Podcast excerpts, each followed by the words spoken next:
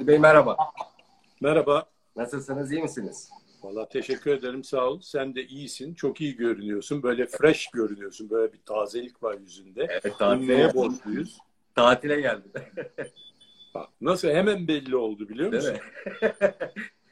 Ve daha ayağımın tozuyla aslında yayına katılıyorum diyor. E, Otele yerleştim hemen birazcık denizde yüzdüm. E, 20 dakika kadar. Bak işte, koşa bu- yayına geldim. Yani Ege'nin herhalde Ege değil mi yani? Evet, Akçay'dayım şimdi. Tabii. 3-4 gün Akçay, bir, yine 3-4 günde bir Bozcaada yapacağım. Ege'li olunca Ege'nin sularına girmek güzel oluyor. Ege'nin parlaklığı var yüzünde. Onun için güzel.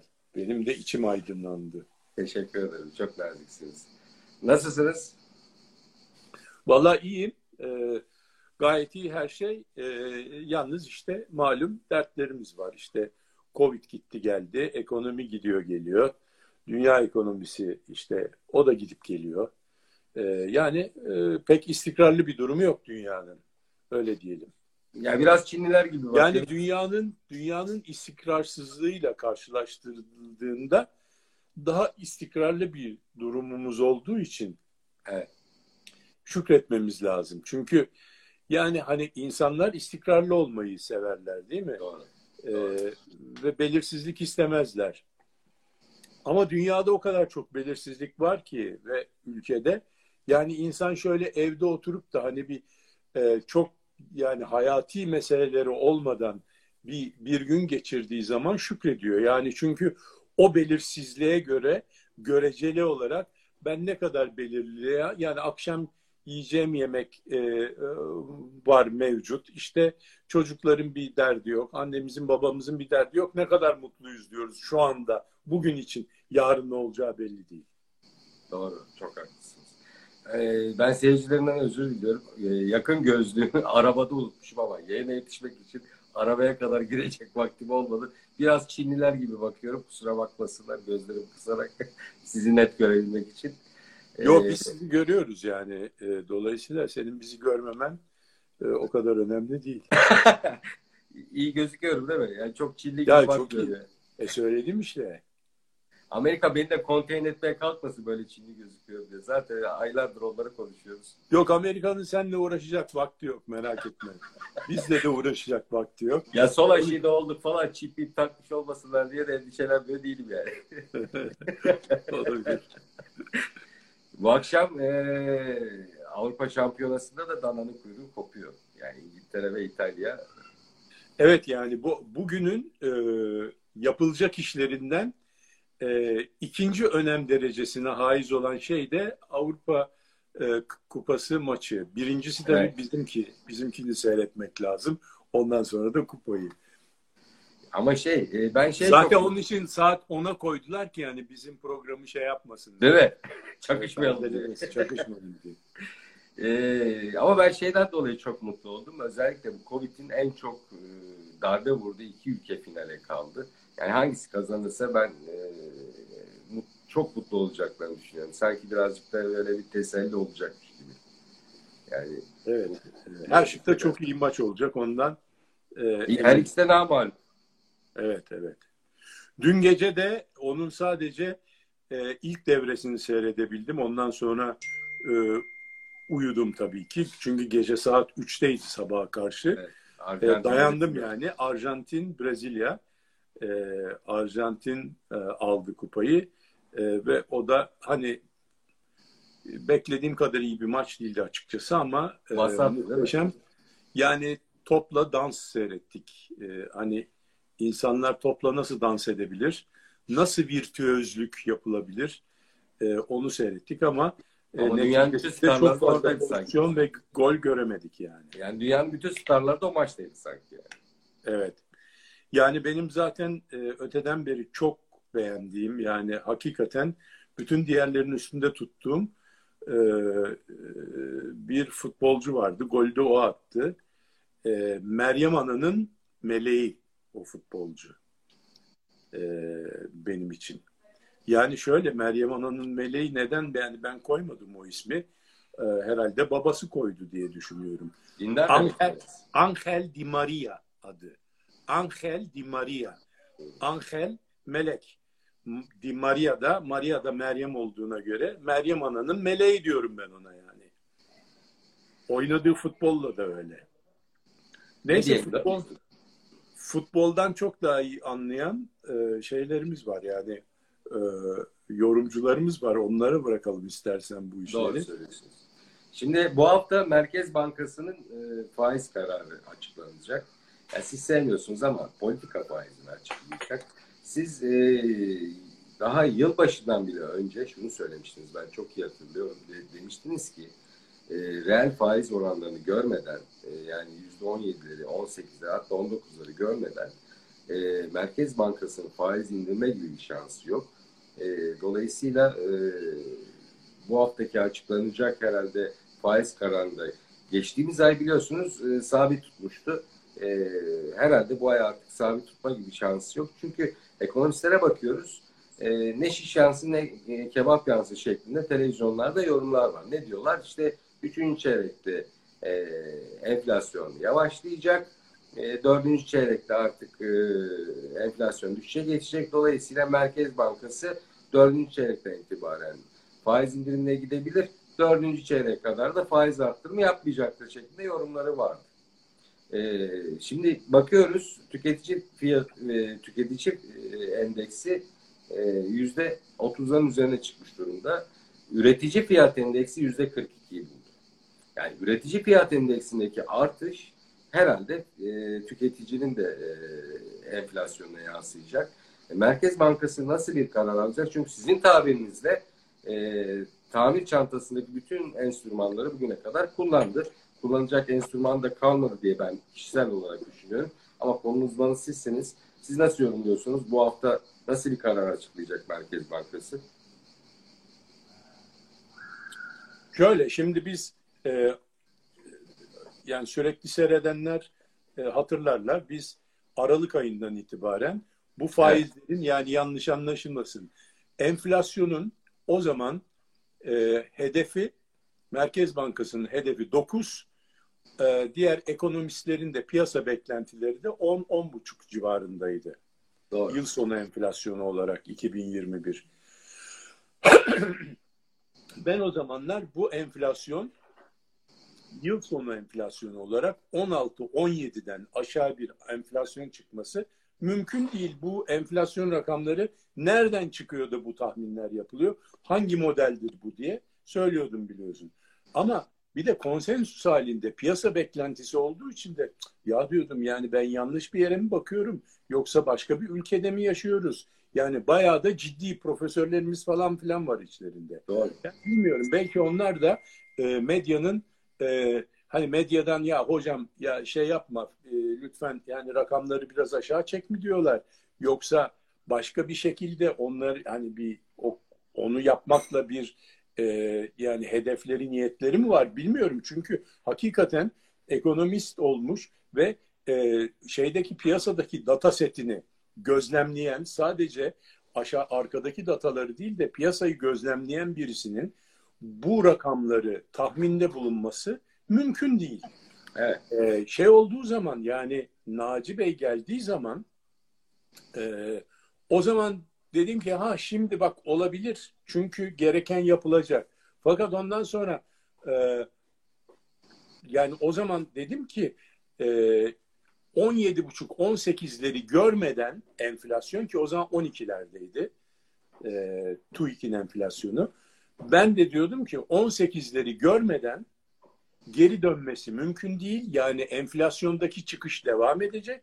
Ve yüzde dokuzda bir enflasyon hedefi dolayısıyla, var. Dolayısıyla faizin düşmesi falan veyahut da sabit kalması e, onların dedikleri yani Bloomberg ekonomistleri diyeyim ben ona genel olarak. Bloomberg ekonomistlerinin dedikleri e, şuydu. Yani maksimumunu Nisan'da görür enflasyon. Ondan sonra düşmeye başlar. Dolayısıyla artık faizlerin yüksek olmasına gerek kalmaz. Nisan'dan sonra faizler de onunla birlikte düşer. Ondan sonra dediler ki Ocak ayı geldiği zaman ya olmayacak tamam ama yani Nisan olmaz ama Mayıs'ta tap yapar. Ondan sonra aşağı gelir. Faizler ondan sonra düşer. Biz o zaman biliyorsun dedik ki ya bırak yani 14-15 ile Nisan'da tap yapacakmış. Yok Mayıs'ta yapacakmış. 17,5-18'i görmeden enflasyonun aşağı gelmesi mümkün değil. Nereden bu? Hani biz müneccim değiliz yıldızlara bakarak söylemiyoruz. Nereden? Çünkü sanayinin içerisindeyiz ve ham madde fiyatlarının nerede olduğunu ve nereye doğru gittiğini ondan sonra bunu bir de üstelik o zamanlar yüzde 24'ler civarında olan e, üretici fiyatlarının daha yukarı çıkmadan aşağı gelmeyeceğini e, yani Amerikalıların bir lafı vardır. It's gonna get worse before it gets better diye. Yani nasıl dersin durumlar kardeşim? Sana der ki ah, it's gonna get worse before it'll get better. Yani iyi olmadan önce daha kötü olacak. Yani iyi olmadan önce bir kötü daha yaptıktan sonra iyi olamaz. Bir kötü daha yapacak ondan sonra iyi olacak demek. Yani aynen onun gibi. Biz de öyle diyorduk ki daha kötüsünü görmeden iyiye dönmeyecek kardeşim. Bu da ne olacak? 2021 yılında da bu iyisi olmayacak. 2022'den önce bir e, bir faiz düşürmeyi düşünmemiz bile mümkün değil. Bunu konuşmamız bile aptalca bir şey olur yani. Ama konuşuldu bunlar. Beş aydır Bloomberg televizyonunda, A Haber'de, işte A Para'da falan filan hani bizim şey ana e, akım e, medyada bunlar konuşuluyordu yani. Ya ben Aslında temellileri gözüme inanıyorum. Ama... Ya bunlar hiçbir sanayiciye sormuyorlar mı kardeşim? Bir sürü de sanayiciyle konuşuyor ama sanayicilere bunları sormuyorlar. Sanayiciye e, işte sizin ham maddeni işte şeyiniz e, işçilikleriniz ne oldu? Ham maddeniz ne oldu? Şu anda ne kadar ihracat Yatırım yapacak mısınız? Sene, ha, yatırım yapacak mısınız? Bravo. En çok onu hani yatırım yapacağım desin adam da oh diyelim ya yatırım yapıyor. Birisi yatırım yapıyor. Çünkü iyi haber yatırım yapmak güven duymak demektir. Güven duyduğuna göre demek ki ekonomi iyi gidiyor da güven duydular falan filan. Bunlar konuşuluyor. Onlara ne faiz sorulur, ne efendim e, enflasyon sorulur. 180 ee, milyar dolarlık bu sene ihracatta Cumhuriyet tarihinin rekoru kırılacak ya. Dolar. Evet tabii yani rekor kıracak Türkiye her sene. Yani o ihracat yapabilmek için ne kadar ithalat yapacağız peki? Yani cari açık ne kadar artacak? Oraya bakmıyoruz. 250 milyar dolar. Şimdi ama konuyu dağıtmayalım. Buradaki hadisede Peki. yani şimdi tam oralara geldik. Nerelere geldik? Nereler oralar? 17 buçuğu gördük zaten yani. Kendisini gördük. Hani olacak derken biz kendisini gördük 17 buçuğun. Nereye gidiyor? 20'lere gidiyor. Neden? Çünkü 34 oldu. 24 derken üretici fiyatları 34 oldu. 34 derken 42 oldu. Ya şimdi ben Merkez Bankası'na hayretler içerisinde kalıyorum. Yani böyle bir Merkez Bankası tasavvur etmek yani nasıl nasıl bir şey orada? Kimler var yani? Orada doktor minimum doktoralı oradaki arkadaşlar. Yani bu nasıl bir düşünce tarzıdır ki bütün bu emtia fiyatları veri setlerinin en iyisi turfanda olarak ellerine gelirken bunlar. Ondan sonra bir de şu var yani ana e, çekirdek enflasyonu en çok etkileyen e, etkileyen parametre enerji fiyatları değil midir? Ya enerji fiyatlarının sen çok geride kaldığını görmüyor musun? Yani devletin sübvanse ettiğini, enerji fiyatları artmış artmış artmış, döviz artmış artmış artmış. Bizim enerji fiyatlarındaki zamlar yani e, milleti ajite etmemek için ve rahatsız etmemek için e, azar azar verilmiş. Dolayısıyla aradaki farkı devlet kapatarak veriyordu. Bunu herkes görüyordu. Avrupa'nın en pahalı benzin satan ülkesi biz olduğumuz e, yerde tamam mı? Şimdi en ucuz durumuna düştük yani. Avrupa'da e, şu anda e, bizim benzin kaç lira şu anda? Valla bugün gelirken aldım. E, istasyonda 7.98. Bravo. 7. 7.98 lira. Ha. Avrupa'dakini iki misli şu anda. Yani dolayısıyla e, e şimdi Demek ki oraya kadar gidecek. Daha benzin fiyatları, mazot fiyatları bir miktar daha artacak. Bir şey artmadı daha. Şimdi bütün bunları göre göre Merkez Bankası'nda o işleri yapan arkadaşlar yani neye dayanarak enflasyonu yüzde on ikilere falan koyuyorlar yıl sonu? Bir de Temmuz ayından Anlay- itibaren biliyorsun sanayi uygulanan elektriğe yüzde on beş, doğal gaza da yüzde yirmi zam geldi. Evet. Ama daha daha bitmedi. Onu söylüyorum daha bitmedi. Ve bunu eğer faizleri derhal ve hemen ayarlamazsa o zaman bu daha da yukarılara gidecek ve ondan sonra şimdi bu ondan sonra iş daha kötü başka yerlere gidecek. Yani iyi şeyler konuşalım diyoruz ama bizim söylediğimiz iyi şeyler. Çünkü Aynen öyle. doğru şeyi söylediğimiz zaman iyi şeyi söylemiş oluyoruz. Yani kendimize göre doğru ama neticede bu kadar sağlam konuşmamıza devam etmemizin nedeni söylediğimiz şeylerin e, aynı Tutarlı olması. olması. Yani şimdi şuraya gele bu şuna benzer. Bir yangındır enflasyon. Yani yangının önce bir yerden çıkar, şömine ateş alır. Evet. Sen orada keyif yapıyorsundur yani. Ondan sonra der ya o küçücük bir ateş tamam söndürürüz. Üzerine yani su dökeriz falan filan. Lafımı tamamlayayım da sonra şey yaparız falan filan diyoruz. Anlatabiliyor muyum? Doğru. O büyüyor falan böyle şöminenin önüne halıya falan geliyor. Ya şurada şeyi açarım şimdi, hortumu açarım, söndürürüm. Ya var mı böyle bir şey? Ondan sonra bu öyle bir duruma gelir ki odayı sardıktan sonra bir tek binayı terk etmek kalır sana. Çünkü artık bakarsın çeşmeyi de açsan, kova kova su da döksen başa çıkılacak durumda değil. Bunları yaşadı Türkiye. Yaşamamış olsa bir olsaydı bir derece ya bilmiyorlar ki yaşamadılar deriz yani. Evet. Ee, bu bak Almanya da bunu yaşadı İkinci Dünya Savaşı'ndan sonra. Ne kadar dikkatli görüyorsun. Aradan e, aradan geçmiş 70 70 yıl 70 yıl sonra hala bu kadar dikkat. Demek ki bir hafıza, ekonomik hafıza oluşmuş, bir e, insani hafıza oluşmuş, kurumsal hafıza oluşmuş. Ya biz daha geçen de 90'lı yıllarda bu enflasyonların e, ağ babasını yaşamadık mı yani? Tutamadık evet. ön 120'lere falan filan gitti. Dolayısıyla bu çok önemlidir arkadaş. Yani bunu şey yapmadan büyüme falan filan ikinci planda yani. Büyümeyi verelim yani. Bir sene büyümeyi verelim. Hiç kimse aç kalmaz bir sene büyümediğin zaman. Amerika iki sene büyüme. Enflasyonla, son üç yıldır büyümüyor. Enflasyon olduğu zaman enflasyon olduğu zaman hesabı şaşırırsın. Hesabı. Neyi kaça satacağını bilemezsin. Neyi kaça alacağını bilemezsin. Bilemediğin için üstüne bindirirsin.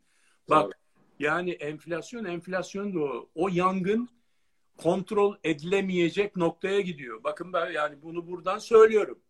Yani burada bu hafta yok efendim faiz açıklayacak. Açıkla yüksel açıklamayacakmış. Ya açıklamasın. Yangın gidiyor kardeşim.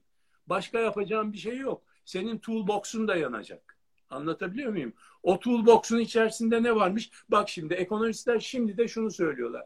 Ya işte bu sene efendim e, bu sene içerisinde belki üçüncü çeyrekte değil dördüncü çeyrekte bir faiz düşümü olabilirmiş. Ha veyahut da e, 2021'de olmasa bile 2022'de o ertelenebilirmiş falan. Ya kardeşim senin hedefin faizin düşürülmesi değil, senin hedefin enflasyonun düşürülmesi ilk başta. Tamam mı? Yani belirliliğin sağlanması. Hesaplarını sen bir şirkette hesaplarını tutturamadığın zaman nasıl kontrol edeceksin? Herkes bir tarafından çalar. Bak çok net söylüyorum. Şirkette muhasebe sistemin bozuksa veyahut da enflasyon varsa şirketin muhasebesini de tutamazsın. Çünkü senin gördüğün rakamlar sana böyle çok güzel gibi görünür. Bir bakarsın işletme sermayen erimiş, icra gelir şirketine. Bir anda bir bakarsın üf dersin yani kovayla kazanıyoruz. Muazzam dersin ya fiyatlar arttı falan. Ondan sonra onlar ham maddenin üzerine biner. Sendikalar gelir, zamları alırlar, giderler. Tam zor halinde bir şey diyemezsin, verirsin falan filan. Ondan hesabın ucunu kaçırırsın.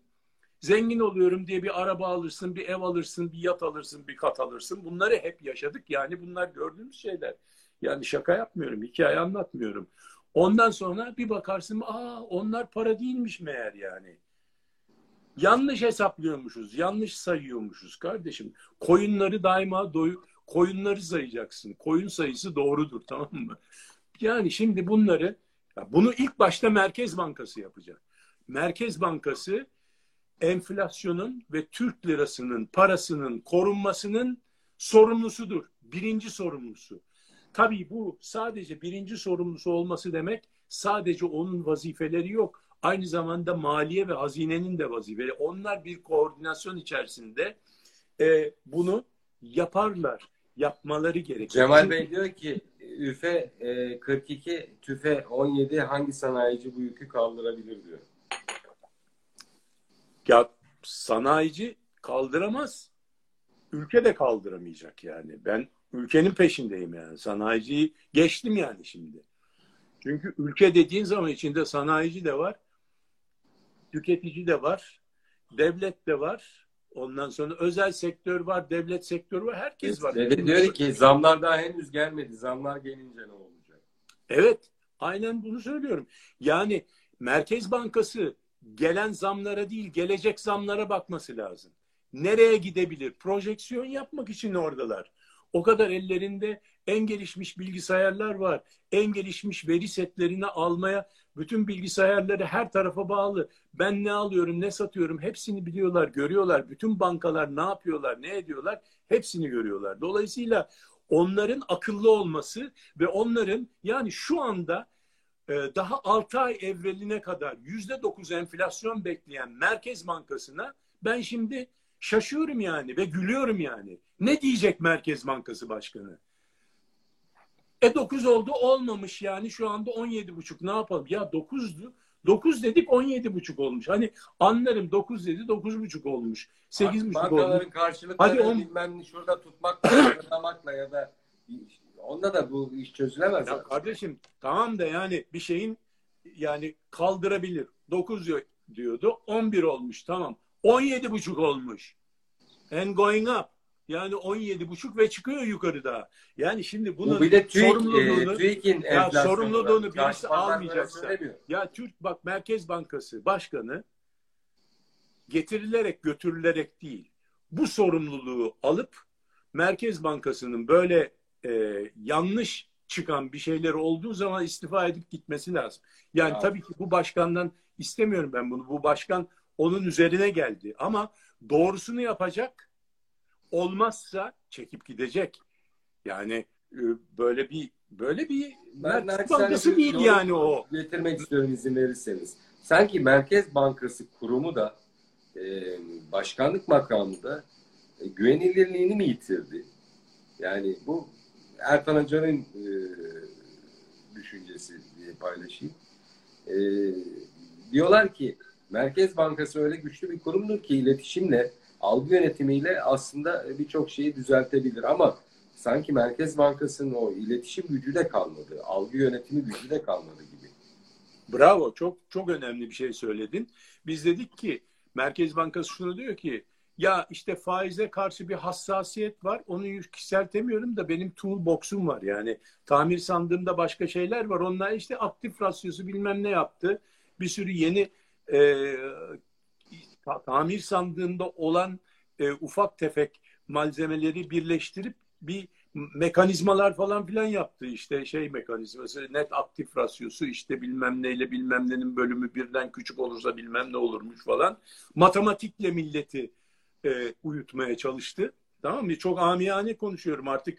Bunları çok e, nezaketle söyledik. Biz zamanında e, bir şey olmadı. Ama artık yani geçmiş üzerinden yangın büyümüş salona gelmiş. Yani oturma odası dayanmış şömineden çıkan yangın.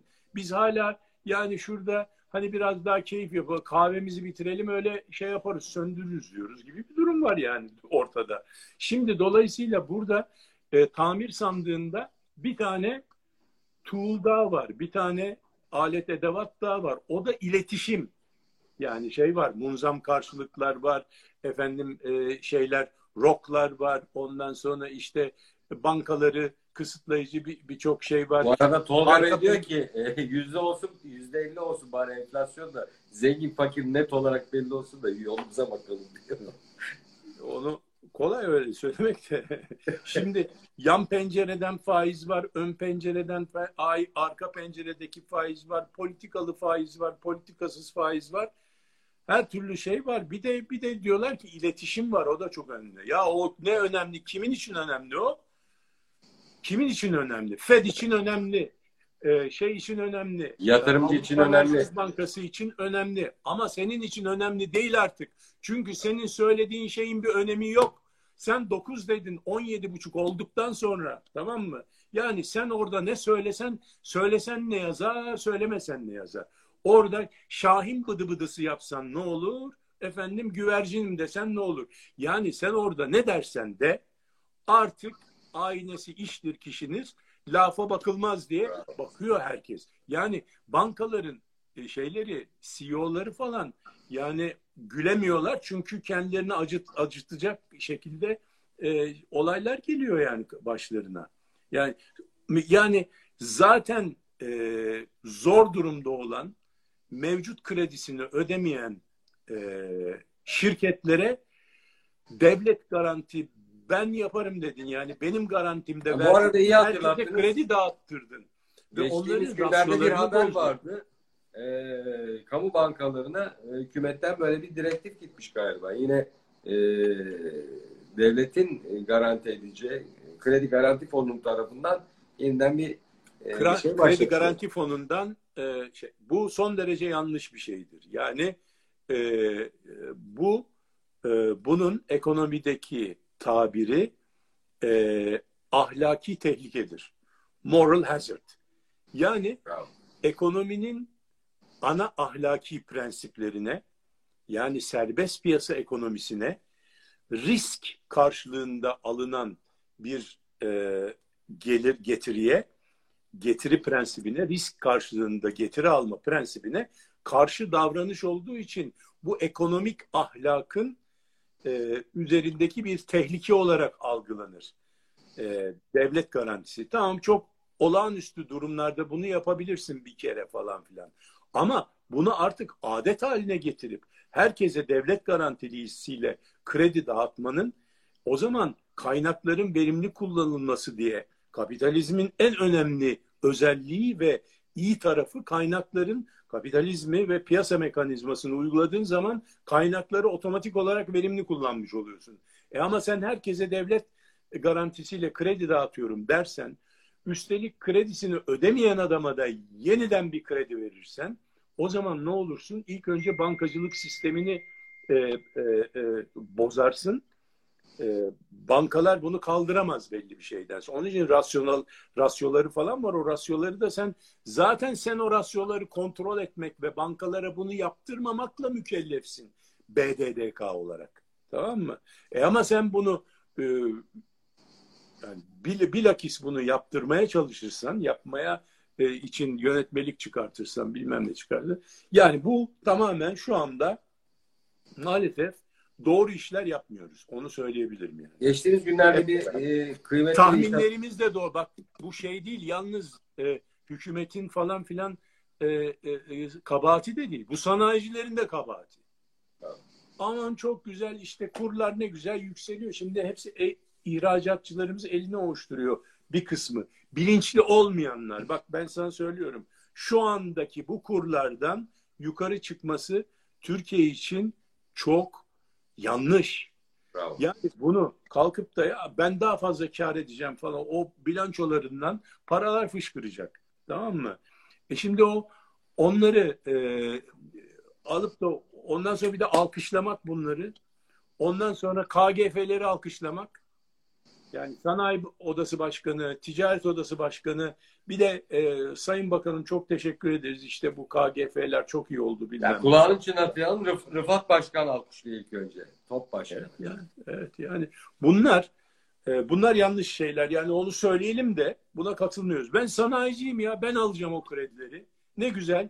Ben hiçbir şeye girmeden, riske girmeden devlet garantisiyle bana bedava para gelecek ya. Bundan daha güzel bir şey var mı? Bundan daha güzel bir şey var mı? Ama ben onu istemiyorum. Çünkü o çok şey, çok kötü bozacak etrafı. Etrafı bozacak yani.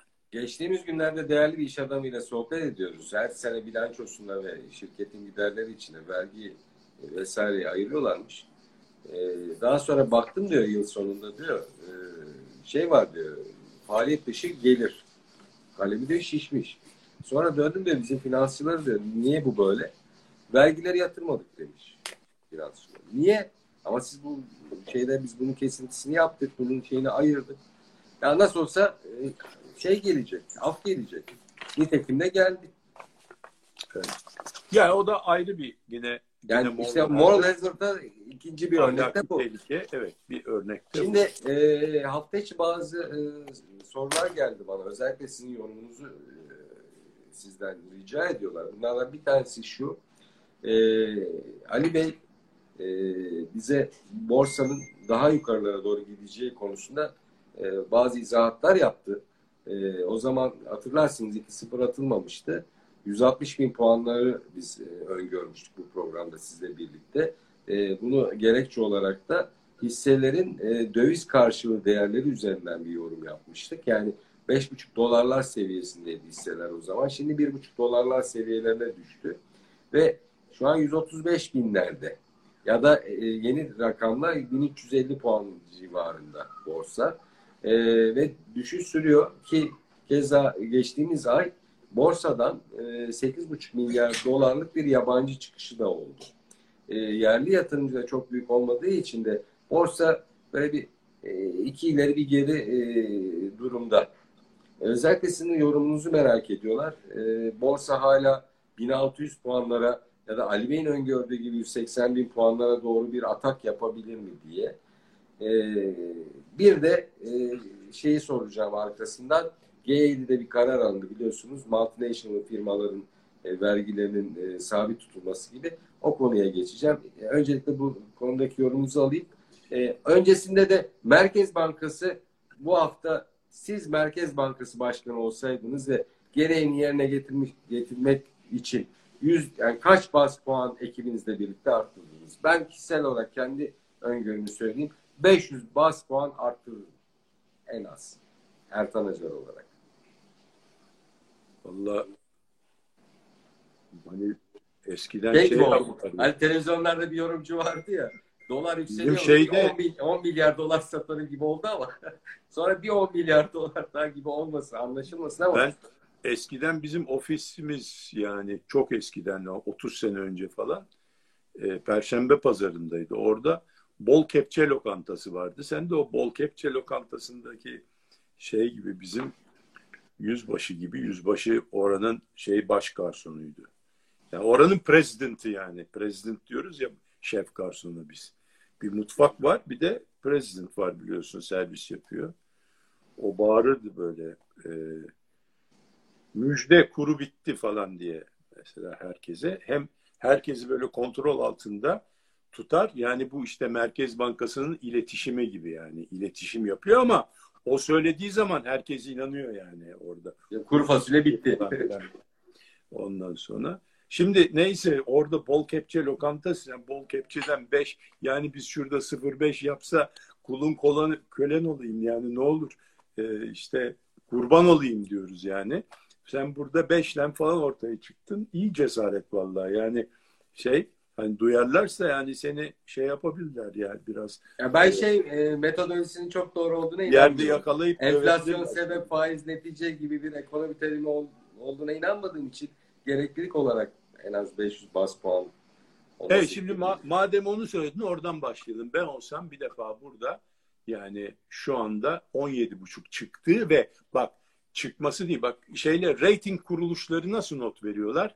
CC diyor mesela e, CD veriyor sana ve e, duran diyor veyahut da D, CD diyor e, şey e, negatif diyor. Yani hem CC almışın ve aşağıya doğru gidiyorsun. CC pozitif diyor. CC almışsın ama yukarı doğru bir trendim var. Şimdi burada da aynı şey. Şu anda 17,5 değil enflasyon. 17,5 ve yukarı çıkıyor. Çıkıştasın tamam mı? O zaman çıkışta olduğunu düşünerek önünü almam gerekiyor. Evet. Önünü almak için ben 19'sam şu anda alamıyorsam önünü minimum 21 yapmam lazım. Artı 2, 200 bas puan. Tamam seninki yine 500 biraz hani 500 biraz fazla olur yani. Orada bayağı rölans yapacak yapıyorsun ama ben ben yani %24 enflasyonu baz dataya, dataya daha dikkatli bakmak lazım onu yapmak için. Şu anda bizim elimizdeki dataya göre yani o da 42 ve 17,5 arası olduğuna göre yani onun 25'lere 28'lere gitmesini önlemek için bir defa 21-22 yapmak lazım şu anda. Ama bir ay içerisinde e, zaten bu bir ay içerisinde artı 3-4 puan birden zıplamayacaktır. Dolayısıyla ki zıplatmamak devletin de elinde zamları yapmazsa bir kısmı gitmeyecek. Ama hiç olmazsa en azından kurları durdurup ithalattan gelecek olan fiyat artışlarını önlemek babında e, devletin böyle bir ön alması lazım. Minimum 200 puan diyorum ben. Yani biz şey olarak söylüyoruz fikrimizi. Şimdi ondan sonra diğer e, soruna gelelim. Borsa hikayesi. Evet doğru 160'lar falan dedik. Ama o zaman kazan çömlek patlamamıştı. Naci Bey e, gelmişti ve dolayısıyla gerekenin yapılacağını düşünüyorduk. Hatta ben kurları o zaman e, şey yap yedi buçuklardaydı. 6.80'e geri gideceğini düşünüyordum. Çünkü faizleri gerekeni yapılacak. E, her o zamanki faiz e, tabii 12'ler 13'lerdi. Nitekim yaptı gerekeni. Bir atak yaptı, faiz hata yaptı. Ondan sonra gerisi gelecek ve ne gerekiyorsa o reçete uygulanıyor diye. Yani doktora güvendik. Onun üzerine dedik ya bu doktorla 6.80'i bulur. Hatta doktor gelmeden önce de ben onları söylüyordum. Çünkü nasıl olsa ekonomi rasyonel bir şeydir. Yani sana doğrusunu er veya geç yaptırtır. Yani sen yapmasan da sana yaptırtır. O bu şey de yapacak. Bu Merkez Bankası da doğrusunu yapacak. Ondan hiç şüphem yok. Ama çok önemli bir şey var doğrusunu zamanında yapmadığın zaman muazzam hasarın eksponansiyel artar. Anlatabiliyor muyum? Yani sen o zaman tedbir alsaydın, o zaman gerekeni yapmış olsaydın, bugün e, enflasyonu 13'lerden, 14'lerden döndürürdün. Bravo. İki ay geciktiğin takdirde 18'den döndürür, 17'den döndürürdün. 4 ay geciktiğin takdirde 22'den döndüremezsin kardeşim. Anlatabiliyor muyum? Arada Doğru. böyle bir fark var. Ee, şimdi e, borsa konusunda biz tabii ki ekonomi rasyonel bir şeydir. Mutlaka gereken yapılacak. Bunlar da yapacak söylüyorum. Bu Merkez Bankası da yapacak, bu hükümet de yapacak. Ama sorum şu ne zaman yapacak? Yani biz ne kadar hasar almış olacağız yapana kadar? Gemi ne kadar su almış olur? Bu gemi batmaz. Yani bu gemi batmaz. Türkiye muazzam bir aparat kendi içerisinde. 180 milyar dolar ihracat yapan bu 180 milyar dolarlık malının dünya piyasalarında yer bulduğu bir ekonomiden bahsediyoruz. Nereden baksan 700 küsür milyar dolarlık bir ekonomi ve 80 milyon e, nüfus bunun şu yüzde 75'i genç sayılıyor falan filan. Yani dolayısıyla gemi batmaz ama ya niye hasar alalım? Diğer gemiler yanımızdan geçti gitti. Biz hala makinalar tam yol ileri yapamıyoruz. Evet. Yarım yol ileri. Ondan sonra su alıyoruz. Ondan sonra oradan şey bozuluyor. Pompa bozuluyor. Yok efendim e, bir şey çıkıyor. E, büyük bir fırtına çıkıyor. Diğer gemiler e, yani daha hızlı fırtınayı aşıyorlar. Biz oralarda fırtına çıktı diyoruz ve orada kalıyoruz falan filan. Yani bu gibi hadiseleri e, ön alacak e, kararların verilmesi lazım. Şimdi borsa çıkacak. Yani şimdi çok daha rahat çıkacak o e, 1600'e, 1370'lerden falan filan. Ama e, şey değil ki yani e, manası yok ki çünkü bu borsadaki değerler reel değerler. Yani hakiki değerler. Dolayısıyla bunların aslında dolarla ölçmek lazım. Yani Türk lirasıyla ölçülen bir endeksin benim için hiçbir anlamı aslında yok. Şu anda yatırımcı açısından da yok. Tabii 1.57 sent şu anda e, borsanın endeksi. 1.57 sente denk geliyor. E bu e, ikileri, iki, 2.20'leri görmüştü. Değil mi? 2.20'leri gördü. Yani 1.40'lardan çıktı 2.20'lere geldi bir sürü para kazandırdı. Fakat sonradan doğru işler. Özür dilerim. Biz 30 görmüştü 5,5 dolarları. Çok özür diliyorum. Şimdi e, bu endeksin işte e, 1.57'deki durumu işler acısıdır yani. Bu yani hakikaten bizim e, şirketlerimizin ve varlıklarımızın, Türk varlıklarının ne kadar düşük fiyata gittiğinin bir şeysidir. Onun e, onun daha net bir göstergesini söyleyeyim size. Şu anda S&P endeksinin Amerika'daki e, ana endekslerden bir tanesi S&P 500 500 e, e, şirketin e, endeksinin e, fiyat kazanç oranı 40 43 43. Yani kazandığı fiyatın 43 katına satıyor hisseleri. Ortalama. Ortalaması bu. Bizim kaç? 6,5. Yani 100 lira kazanıyorsa şirketin değeri 600 lira. Yani 6 senede kazanarak şirketi satın alabiliyorsun yani. Yani tamam yani şirketin değerini 6 senede amorti edebiliyorsun. E bu çok güzel. Şirketler çok ucuz. Yani senin e, yıllık kazancının 6 katına satılıyor. 100 senelik şirket, 50 senelik şirket. Anlatabiliyor muyum? Orada 43 katına satıyor. Evet. E, yani dolayısıyla hala da e, e, bu konuda buluşuz. Yani boğa e, şeysindeyiz, e, burcundayız. E, ama e, bekliyoruz yani. Yangın ba, ateş bacayı sarmadan birileri su sıkacak buraya diye. Şimdi e, G7 zirvesinde multinational firmaların e, vergi oranlarını %15'te sabit tutma kararı alındı. G20'de de onaylandı bu. Siz de bir multinational şirketi yönetiyorsunuz Türkiye'de. E, ne diyorsunuz bu kararı? Yani vergi cennetlerine kaçmasın diye yapıldığı söylendi ama yani yabancı yatırımcıyı elde tutmak. Yani bu sadece bizim, bizim için gelişmekte olan ülkeler için değil, dünyada gelişmiş ülkeler açısından da multinational firmaları elde tutmak demek ki bir sorun. Doğru. Bu neden yapıldı? Ee, yani çok dünyadaki. Dünyadaki ekonomik bir bunalım var aslında. Şu anda bizim çok yakından hissetmediğimiz bir bunalım bu dünya insanları da çok yakından hissetmiyorlar yani sokaktaki vatandaş. Çünkü neden? Helikopterden para atılıyor da onun için. Aslında bu atılan para para para. Yani bu değer para değil.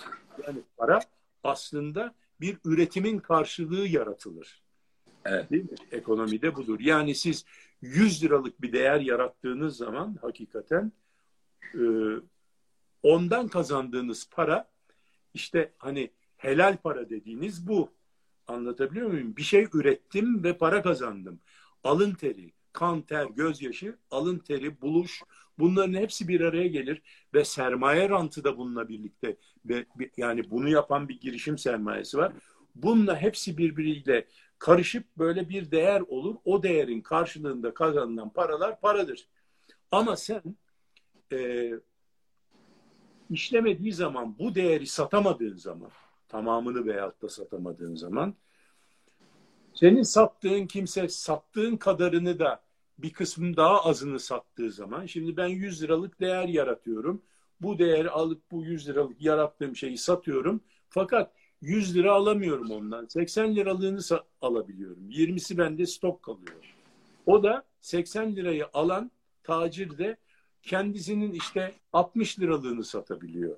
O da onu alanda 40 liralığını satabiliyor. Dolayısıyla herkese stok birikiyor. Yani ekonomik aktivite düşüyor. Yani evet. e, yani böyle birazcık böyle de çok fazla e, basitleştirilmiş bir şeyle söyledim ama şimdi diyelim ki bu böyle bir ekonomik sönümleme var. Yani ekonomik büyüme yok. Aslında benim ne yapmam lazım? 100 liralık değer yaratmam lazım. Onu satmam lazım. Benden 20 liralık daha talep etmeleri lazım. Hemen onu da yapıp 20 lira daha satmam lazım. Seneye 120 liralık satıp 140 lirayı e, düşünmem lazım. Ve böylece ekonominin büyümesinden e, ümitlenerek benim yatırım yapmam lazım daha fazla üretmek için. Daha fazla üretmek için e, bir insentif kalmadı. Özellikle Batı dünyasında. Batı dünyası çünkü rahatladı. Sigorta şirketleri var. Her şeyini sigortalıyorlar. Risklerini sıfırlıyorlar. İşte sağlığından, depreminden, selinden hatta iş sigortası var. Mesela işinde zarar etmeyi sigortalayabiliyorsun. Ee, ondan işimde zarar edersen sigorta şirketi zararının şu kadarı kadarını olan ona şey yapıyor e, sana. Türkiye'de bu olsaydı herhalde bütün sigorta şirketleri iflas eder. Yani onun da karşılığı var. Bunlar hesap meselesi. Aktüeryen hesaplar ve sigortacının hesapları bayağı bir hani çok da... Yani. Tabii tabii ama işte onun matematiği var. O matematiğe göre zaten. Ve onlar senden benden akıllı merak etme. Neyi ne kadar prim alacaklarını çok iyi biliyorlar. Şimdi neticede e, her şeyleri sigortalanmış. Ço çocukları Bu arada eşime okula... teşekkür ederim. Arabadan gözlüğümü getirdi. evet. Biz sizi net görmeye başladık. Memnunduk. Yani. Böyle de yakışıklıydın öbür türlü. Ama yani ne Teşekkür ederim. Şimdi dolayısıyla artık millet kılını kıpırdatıp da bir şeyler alıp yani ilave bir şey bir ev daha alayım, bir araba daha alayım falan filan yapmıyor. Yani özellikle Avrupalı ve hatta Amerika'da da başladı bu. Dolayısıyla olaylar tıkandı. Bu tıkanıklığın neticesinde millet kriz olmasın diye ekonomi küçülmeye başladığı zaman hani nasıl ekonomi büyüyecek diye yatırım yapıyor herkes.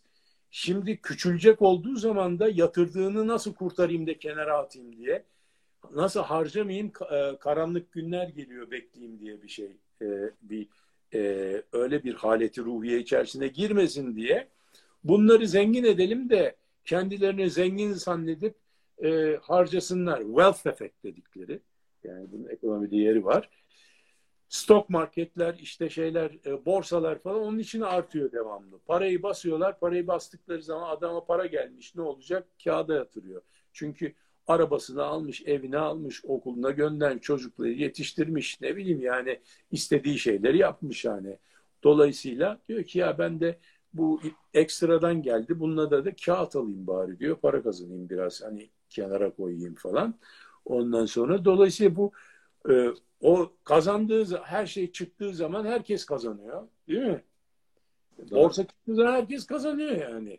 O zaman herkes zengin oluyor. O zaman diyorsun ki ya acaba ben işte şey aldım yani ev aldım, araba aldım falan filan bir de tekne mi alsam acaba ya falan diye kaşınmaya başlıyor elin yani. Çünkü zengin oldun artık kazandın ya. İşte Tesla aldın Tesla. Anladın mı? Yine Elon Musk'a geldik yani. Tesla aldın. Elon Musk. Arada Elon Musk da her şeyi satmış. E, konteyner evde yaşıyormuş artık. SpaceX'in arazisinde. 20 Allah metrekare, 30 metrekare. Bak sen. Evet. Malı mülk her şeyi satmış. Yani ununu eledi, eleğini duvara astı derler bizde. Öyle mi? Ben gazet, yani şeyde, basından okudum geçtiğimiz haftanın haberi. 30 metrekare mi, 20 metrekare mi konteynerde yaşayacakmış artık.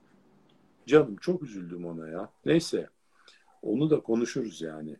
Ferrari'sini Şimdi, satan bilge vardı eskiden. Şimdi malı mülkü satan her, e, bilgi oldu artık. Oldu Tesla'sını yani. satan bilgi oldu. işte yani falan satmış yani.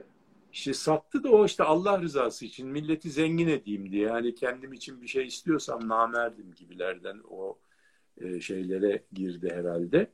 E, o görünüme güzel bir iletişim bu. Bak iletişim deniyor ya.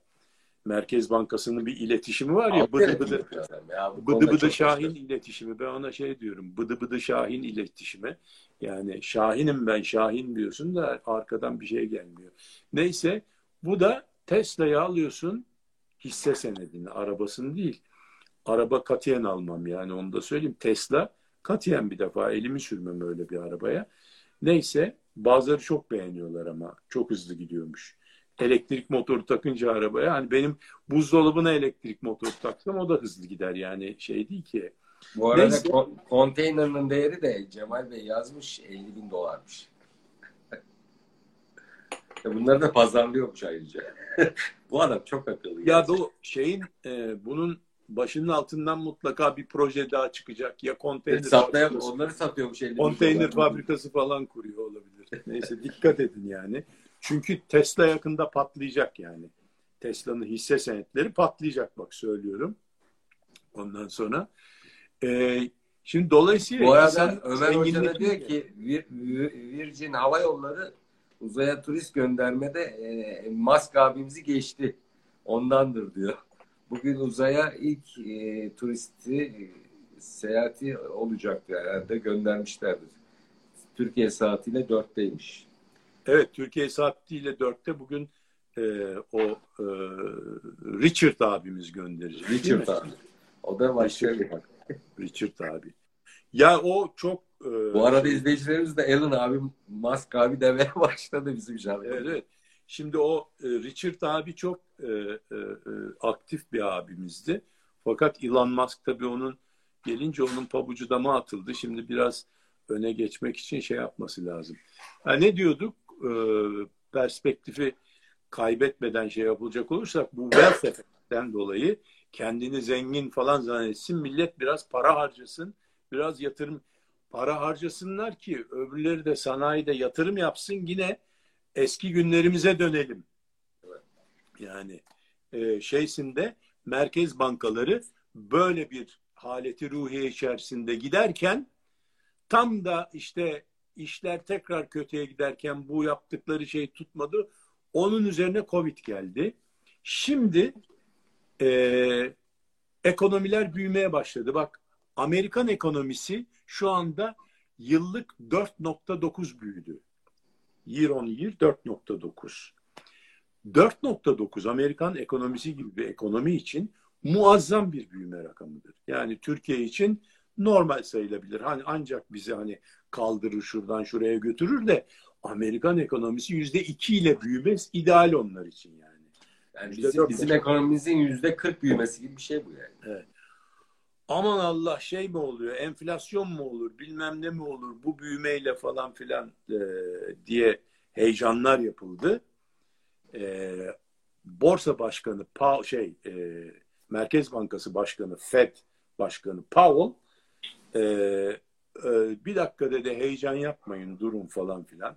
10 yıllık e, Amerikan 10 yıllık tahvillerinin getirileri yükseldi. Bu demektir ki fiyatları düştü. Yani tahvil fiyatları düştü, getiriler yükseldi. Faizler için endikatiftir. Faizler yükselecek. Orada negatif e, neredeyse negatif faizler vardı. 0.14, 0.20, 0.40 2 yıllık faizler. Ondan sonra öbür tarafta e, öbür taraftaki 1.14 falan filandı. Hop bir baktık 1.76'ya gidince ortalık önce bir borsalar bir sallandı mallandı falan ne oluyor enflasyon mu geliyor? Yani enflasyondan korktuklarından değil faizlerden korkuyorlar. Eğer faizler yükselirse çünkü o borsadaki şirketlerin değerleme hesaplarına göre matematik çalışıyor çünkü orada da. Yani evet. hani Tesla falan filan arada bir Tesla mesle çıkıyor gidiyor da aslında matematik çalışıyor. Yani onu şirketin bundan sonraki bütün kazançlarının belli bir iskonto değerinden, belli bir faizden iskonto edilerek bugüne indirgenmesi lazım değerinin bulunması için. Borsadaki fiyat o değere göre teşekkül ediyor. Net present value of future e, cash flow yani future income cash flow. Ondan sonra bu e, eğer oradaki faizi sen iskonto ettiğin faizi yükseltirsen o zaman 20 yıl üzerinden bütün gelirlerini iskonto ediyorsun. Bugünkü değeri çok küçük çıkıyor o zaman. Büyük bir şeye bölersen küçük çıkar rakam. Matematik. Şimdi evet. dolayısıyla e, onun için millet heyecanlanıyor. Borsa düşme yazdı. Düşmeye yazdı. Borsa. Bu da yeni bir tabir olsun. Ondan sonra ama çabuk toparladı. Çünkü Paul dedi ki ya durun heyecanlanmayın sakin olun. İşte iletişim. İletişim ya. devreye girdi. Öyle bıdı bıdı iletişim değil. Daha önce ne söylediysek yapmışız. Yani burada şey yaptığımız zaman sizi kaldıracağız ayağa dediğimiz zaman bir hareket yapıyoruz. Ortalığı ayağa kaldırıyoruz. Yani biz de danışmanlar olarak şunları söyleriz. Söylediğinizde her şeyde tutarlılık olsun. Hamaset bir süre sonra işte böyle şeylere evet. sebep olabilir. Dolayısıyla Ama... piyasa piyasa bunu ciddiye aldı Paul. Çünkü Paul şöyle düşündü. Piyasayı aldatmak için yapmadı. Dikkat et bunu. Yani mesela Merkez Bankası'nın elinde bu iletişim e, aparatı var ya o tamir çantasından çıkardığı. Bu iletişim aparatını e, öyle e, paldır küldür her e, şeyde e, kullanmıyor. Oradaki bir cümle bile önemli. Orada söyledikleri şeylerin noktasına virgülüne piyasa dikkat ediyor. Çünkü dedi mi yapar. Çünkü bazen ufak tefek nüanslarda farklılaştırabilir yaptıkları eylemleri ama geneliyle piyasayı aldatmak eğilimde değildir. Paul şöyle düşündü. Dedi ki ya kardeşim bir dakika ya bayram değil, seyran değil e, 4.9'u gördük. Ağlıyorduk. Sıfırlarda sürünüyordu. 0.1, 0.2 büyümelerdeydik. Covid girdi, Covid çıktı. 5 olduk. Hop. Bir dakika ya yani bunu Geçen hani şey şu adam diyor ki yapısal olarak ne yaptık ki ekonomimiz büyümeye başladı? Bizim de Türkiye'de yapısal olarak yapmamız gereken şeyler var ya o faiz indir, faiz kaldır, yok aktif rasyosu, yok kredi garanti fonu falan. Bunların hepsi hikaye. Aslında bunlar kısa vadede günü kurtarmak için arkadan gelecek olan şey yapısal tedbirleri alarak. E, Yap işlet devletlerle de zaten yaratılan ekonomi de o e, kısa vadeli tedbirler yani ekonominin içine para sok. Ya, da ya bunun gibi bir sürü palyatif şeyler var. Şimdi Aslında... geçtiğimiz günlerde National Geographic'te bir belgeselde Amerikan altınlarını belgesel yapmışlar. Bilmem kaç milyon ton altını varmış Amerika'nın. Bunu Virginia eyaletinde bir yerde saklıyorlar. Çok kasa oradaymış. Ee, sınırlı sayıda insan da görebilmiş bu altınları. Fort Knox. Fort Knox'ta bravo. E, niye orası seçilmiş? İşte kurucu babalarımız dedikleri e, Amerika'nın kurucuları Virginia eyaletinde bu Amerika Birleşik Devletleri'ni kurarken oradaki mağaralarda ilk paralarını saklamışlar falan da işte dolayısıyla da işte öyle bir sembolik e, yapıyor. O e, şey var, özelliği var. Fort Knox'ın Virginia'da olmasının. Ve şey diyor, oradan diyor bugüne kadar giren hiçbir altın geri çıkmadı. Ama diyor Amerikan halkı için çok büyük bir semboldür o bina oraya bakarak devletine güvenirler. Yani e, inşallah aynı durumlara biz de... Ya oraya ya devlete güvenmek, o altına bakmak bugün altın var, yarın yok. Al işte bizim rezervlerimiz vardı. 90 milyar dolar rezervimiz vardı. Nerede? Eksi 54 milyar dolar oldu yani. Bugün var, yarın yok. Ama güven bambaşka bir şey. Sen bugün rezervin de gitse ama güveniyorsundur bir tabi afet gelmiştir, olmuştur falan filan. E, onu kabul edebilirsin.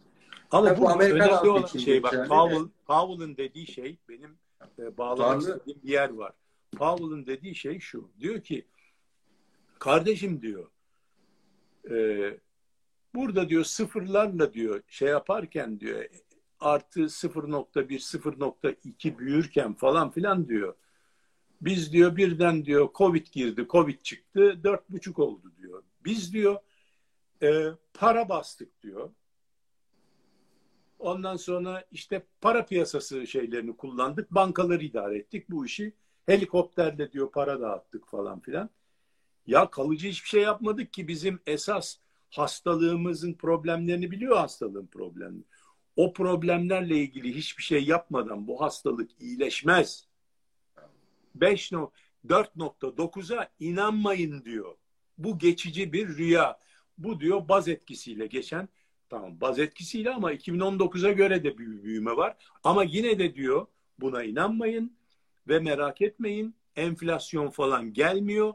Biz yine aynı yere geri düşüp pinekleyeceğiz. Onun için tapering yapmayacağım diyor. Tapering yani ne demek? İşin geliyor Ali Bey. Yani adamlar yapacaklarını söylüyorlar, söylediklerini de yapıyorlar yani neticede günün sonunda ve o tutarlılık o güveni de oluşturuyor işte yani. Doğru evet. ama ben onu örnek vermek için söylemiyorum. Yani bu dünya konjonktüründe nerede olduğumuzu göstermek için söylüyorum. Yani dünya konjonktüründe şuradayız. Bu ortaya çıkan Covid sonrası bir coşma hadisesi, bu öfori hadisesi. Onu söylemiştiniz de zaten siz. Yani bu kadar parayı dağıttı Amerika. E, bu para ne olacak? Borsaya gidecek, şuraya gidecek. Tamam enflasyon olacak. çünkü adamlar. Enflasyon, enflasyon olmayacak diyor. Enflasyon bile yaratamayacak diyor. Yani Ama bu te- tehlike olacağını söylemiştiniz. Bu tekrar geri ge- gelir diyor. Yani e, sonuçta ve, adamların Merkez Bankası Başkanı da aynı şeyleri söylüyor, söylüyor şu an. Merkez Aynen. Bankası söylüyor onu. Dolayısıyla aynen öncesinin söylediği şeyin aynısını söylüyor aslında. Evet, aynısını söylüyor. Aynısını Şimdi, söylüyor. Biz Amerika bunu, biz bunu yani hani o zamanlar başka bir kontekste, başka bir bağlamda söylemiştik. Bu şimdi e, bu faizlerin 10 yıllık getirilerin yükselmesinin e, neticesinde bunu inandırdı piyasayı ki merak etmeyin bu böyle bir enflasyon artıcı art, arttırıcı bir büyümeye doğru gitmiyor dedi. Geri geliyor dedi. Bu bizim şansımız oraya bağlayacağım. Evet. Eğer oraya doğru gitseydi hakikaten 10 yıllıklar bugün çıkmaya başlasaydı zaten ihtiyacımız olup da alamadığımız parayı alamadığımız gibi daha önce almış olduklarımızı da çekip götüreceklerdi. Bu nasıl oluyor diyeceksin. Ee, bankalara sendikasyon kredileri veriliyor. Oradan bankalar bunu bozup e, kredi olarak veriyorlar veya bozmadan e, döviz kredisi olarak i, şey ithalat için kullanılıyor. E, ham madde alımı için kullanılıyor ve birçok şey için kullanılıyor bankacılık sisteminde bu. Şimdi her sene bu efendim e, X bankasına e, 500 e, milyon dolarlık kredi vermişse tekrar o yenileniyor. Atıyorum e, Şubat ayında yeniden imzalanıyor. Sana diyor ki e, 500 verdin tamam bunu güzel yerlerde kullanmışsın aferin şu kadar da getiri elde ettik. Şimdi 520 vereceğim bu dönem alır mısın diyor teklif ediyor. Veyahut da diyor ki tamam kardeşim sen 500 öde ben sana geriye 480 vereceğim bu sefer diyor. Anlatabiliyor muyum? Yani para bu şekilde gidiyor. Gitmesi bu. Yani 500'lük sendikasyon kredisini adam sana 400 olarak yenilerse tamam 100 milyon daha az kullanır demek. Atıyorum Garanti Bankası, Akbank veyahut da her neyse. Herhangi bir banka. şeyi Amerika'yı şundan dolayı demiştim yani adamlar söylediğini yapıyor yap, yap yani, pardon yapacaklarını söylüyor söylediklerini de yapıyor diye. Şimdi aylardır konuşuyoruz bu e, Longer Telegram'ı ve onun e, son birkaç programda da artık aksiyon planını uygulamaya başladıklarını konuşmuştuk. Şimdi e, Amerika Çin'i konteyn etmek istiyor. Bu aşikar. Bu NATO zirvesinde de G7'de de bunları paydaşlarına da e, kabul ettirdi ve dikte ettirdi. Şimdi e, Afganistan'a e, ben bu konuda görüşünüzü çok merak ediyorum. E, yıllar önce hem Rusya çekilmiş oradan biliyorsunuz Çin'i konteyn etmek için aslında gitmiş olduğu ortaya çıkıyor.